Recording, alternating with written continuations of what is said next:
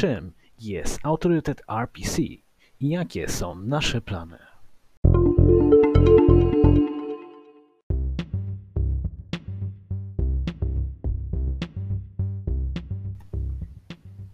Miło mi Cię powitać na pierwszym epizodzie podcastu autorytetu RPC. Chciałem dzisiaj poruszyć w ramach tego epizodu próbnego kwestię tego, kim jestem ja, czym jest autorytet RPC, jakie materiały będziemy zamieszczać tutaj właśnie na Ankorze, jak będzie tematyka naszych podcastów.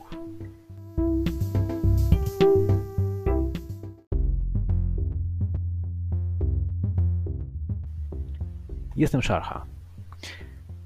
Pisuję od 2003 roku. Obracam się głównie w fantastycznym mainstreamie, czyli w miszmaszu gatunków na ogół podciąganych pod fantastyką.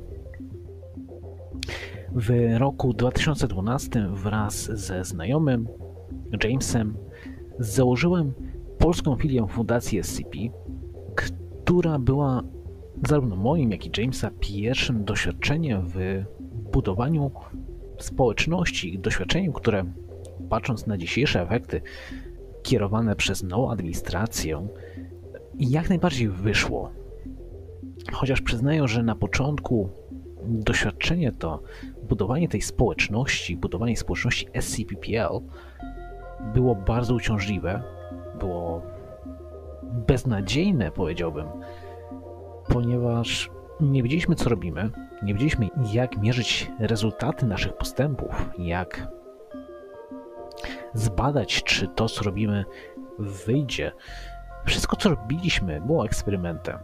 W tamtych czasach, pamiętam, poznaliśmy bardzo wiele bardzo interesujących, cennych z punktu widzenia SCP, z punktu widzenia znajomości osób, z których część w roku 2018, a dokładniej w Wigilię, czyli 24 grudnia 2018 roku, wraz ze mną stworzyła polską filię autorytetu RPC.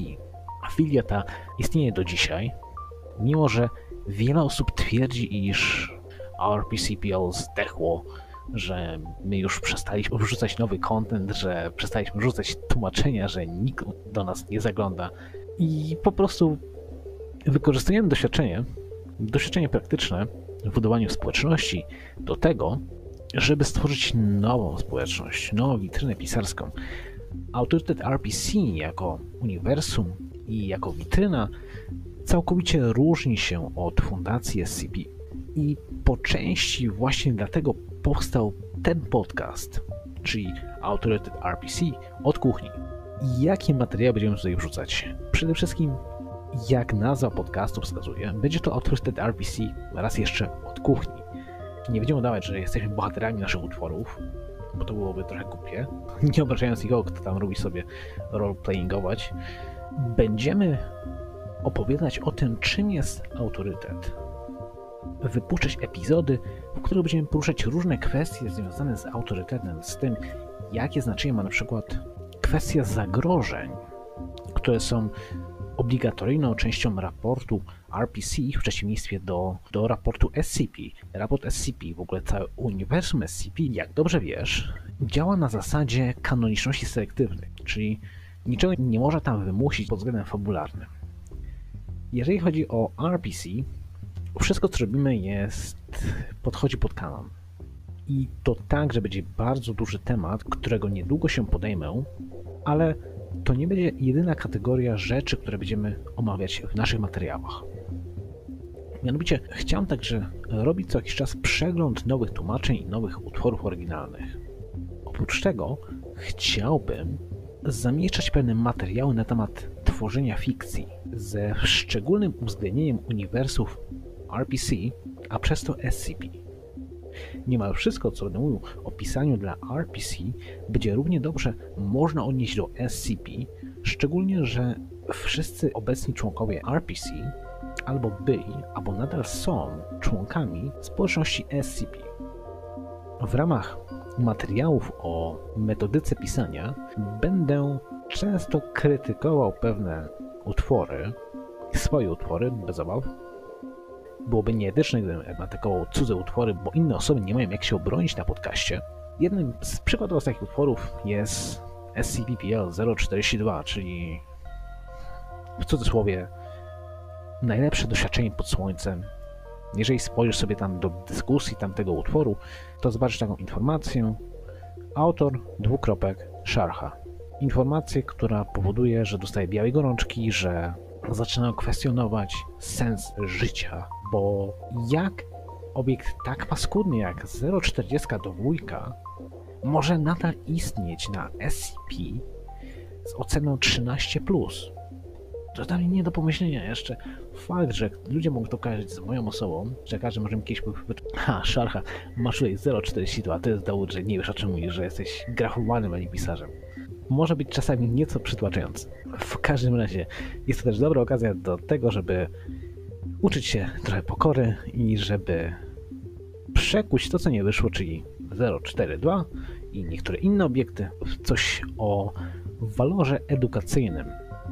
Autorytet RPC skupia się na tym, żeby zapewnić pisarzom jak najbardziej swobodną przestrzeń sprzyjającą twórczości, wolną przestrzeń twórczą. Z tego powodu nie zamierzam rzucać materiałów na temat tego, dlaczego powstało RPC Authority, dlaczego członkowie RPC oddzielili się od SCP. To są rzeczy, które się stały, to jest historia oddziałów głównych, SCP Foundation i RPC Authority i nie jest to temat, który mógłby spowodować jedną wielką główną burzę, a nie miałby żadnej wartości dydaktycznej. Z tego powodu wszystkie takie shitstormowe tematy won. Oczywiście nie zamykam się w tych kategoriach, które przedstawiłem. Jeżeli ktoś ma jakieś propozycje na temat tego, co chciałby usłyszeć, e, jak najbardziej proszę je przesyłać.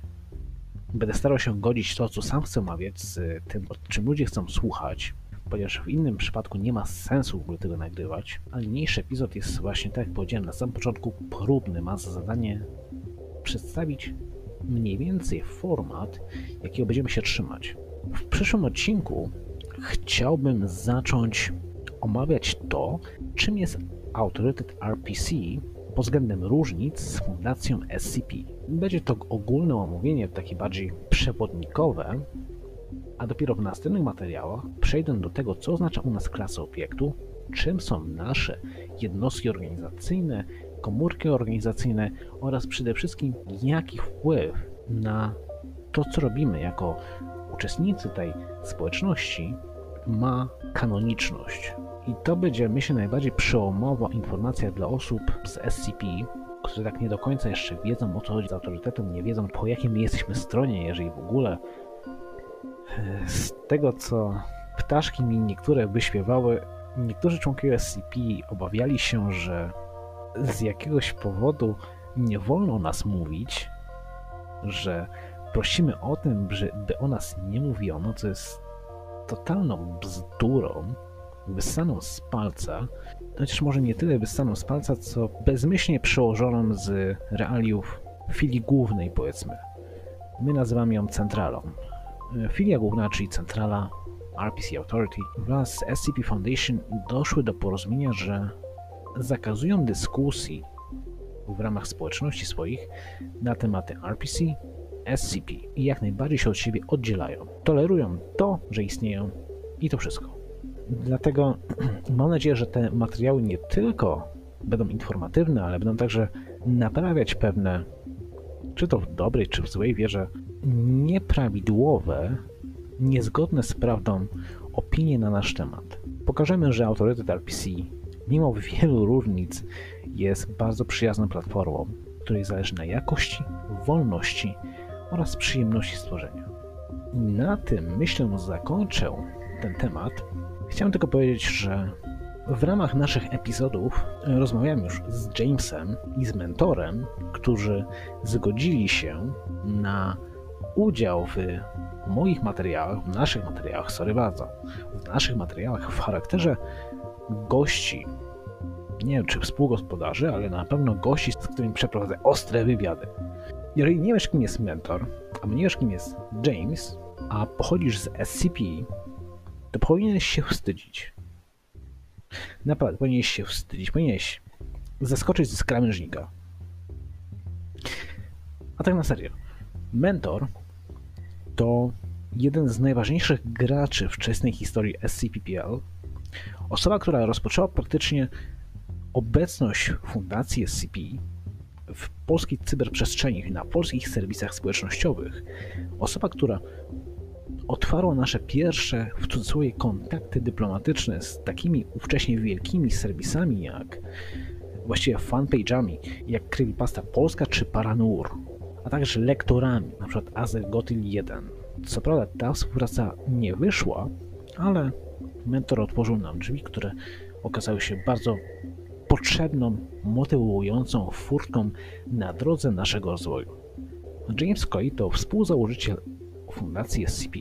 Jego konto nadal istnieje na scpwiki.net.pl, więc możesz sobie znaleźć. To jest dr James H. Jego utwór, taki najbardziej znany, to jest SCP-PL-002, cząstka złego humoru. Możesz sobie wejść w historię i tam masz profil Jamesa.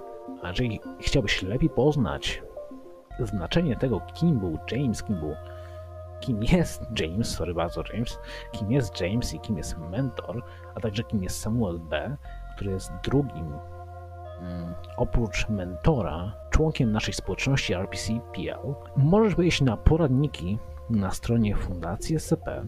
W poradnikach jest taki esej, który napisałem 4 lata temu chyba, pod tytułem Kronika Polskiej Chwili. Tam masz całą historię od 2012 do 2016 roku, z której lepiej poznasz osoby, które dzisiaj startują, mimo że upłynął już ponad rok, ale nadal startują z autorytetem RPC.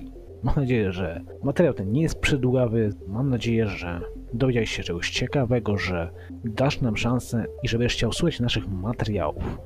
Tak jak powiedziałem, w przyszłym materiale postaram się ogarnąć temat kanoniczności z perspektywy autorytetu RPC. W kolejnych tematach będę starał się bardziej analitycznie podejść do tego, czym jest autorytet RPC. Między innymi poprzez badanie tego, czym są klasy, czym są zagrożenia, czym są nasze jednostki organizacyjne, czym jest Black Site Division, czym jest administracja autorytetu, jak to wszystko działa i jakie znaczenie ma to, że działamy według kanonu. Raz jeszcze dziękuję za usłuchanie i mam nadzieję, że nawet jeżeli dobrze się nie bawiłeś, prawie tego nie mów, ale daj nam szansę i posłuchaj następnego epizodu, który powinien wyjść nie wiem czy w tym tygodniu, ale powiedziałbym tak do 3 do, do 4 kwietnia powinien wyjść. Do usłyszenia.